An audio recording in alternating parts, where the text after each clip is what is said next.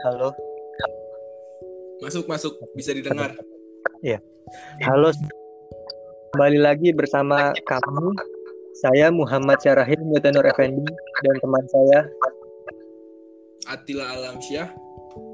Ya, melalui podcast ini kami hendak terlibat dalam usaha mengembang luaskan ruang diskusi publik sebab ruang ini harus dibuka dan dibicarakan seluas-luasnya untuk menghasilkan spektrum dan gagasan-gagasan baru. Pertama-tama, saya ingin sampaikan di sini bahwa semua ulasan kami adalah semata-mata karena ingin memberikan kiat-kiat kewaspadaan dan imbauan kepada teman-teman pendengar kami. Sebab kita menyadari bahwa tragedi kemarin tanggal 8 bulan 10 tahun 2020 pun juga disebabkan oleh kurangnya informasi dan sosialisasi undang-undang yang detail dan menyeluruh serta dinilai tidak transparan dan tertutup.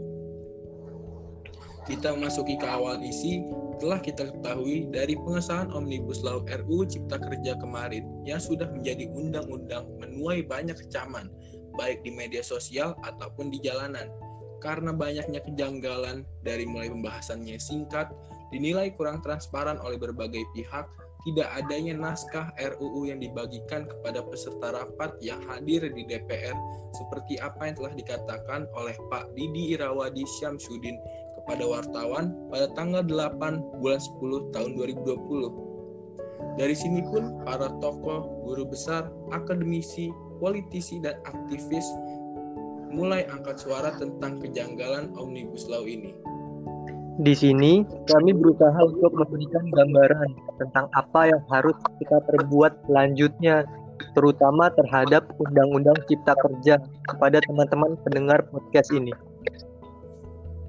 Kita masuk ke pengawasan, kita sebagai generasi muda yang melek akan teknologi harus melakukan pengawasan serta mencermati segala kebijakan yang akan ditempuh pemerintah kepada kita semua.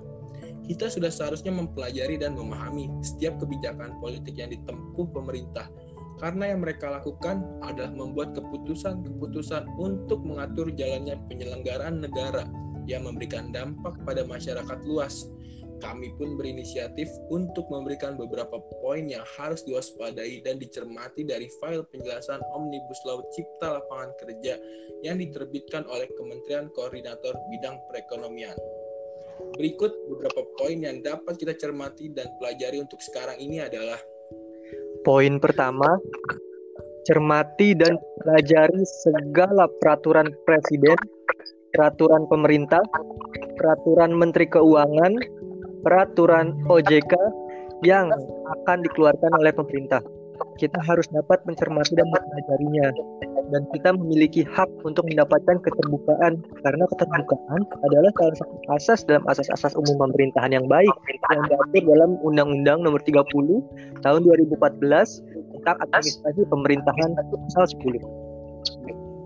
Lalu poin kedua kita harus mencermati proses revisi norma standar prosedur dan kriteria atau NSPK yang akan dibentuk karena NSPK akan menjadi penataan kewenangan perizinan.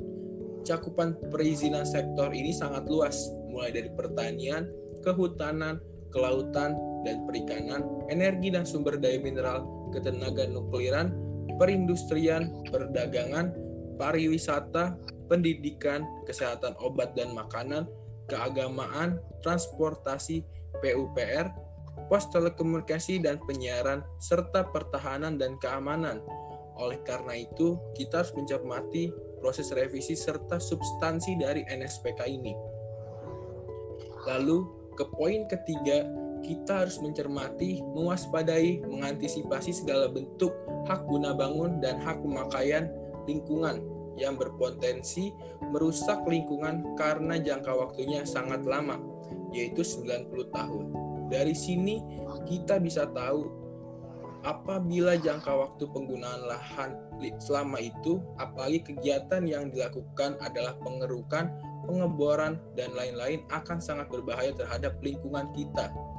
Di dalam file penjelasan lengkap Omnibus Law yang diterbitkan Kementerian Koordinator Bidang Perekonomian, terdapat peraturan perubahan peruntukan kawasan hutan yang berdampak penting dan cakupan luas serta bernilai strategis ditetapkan oleh pemerintah.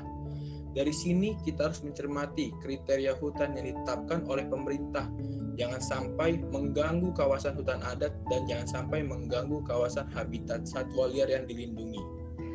Nah, dari keadaan Indonesia dewasa ini terdapat hal penting yang dapat diambil sebagai pelajaran. Kita harus tekun belajar. Jika hendak mendapatkan kemenangan, maka sekaranglah waktunya untuk menerjang yang sukar, yang sulit, yang susah, masa depan Indonesia adalah ada pada tingkat keterdidikan bangsanya. Jika kita semua dari sekarang tekun dalam belajar dan mengembangkan ilmu pengetahuan, maka tanggung jawab untuk membangun masa depan untuk Indonesia yang lebih adil dan makmur dari hari ini pasti dapat kita emban dengan baik dan total. Kita semua harus terlibat dalam setiap upaya pembangunan kemajuan negeri ini dengan segenap usaha dan kesungguhan. Sebab jika bukan kita yang melakukannya, siapa lagi? Tidak bisa bangsa lain, tidak bisa orang lain, melainkan kita semua adalah jaminan masa depan Indonesia.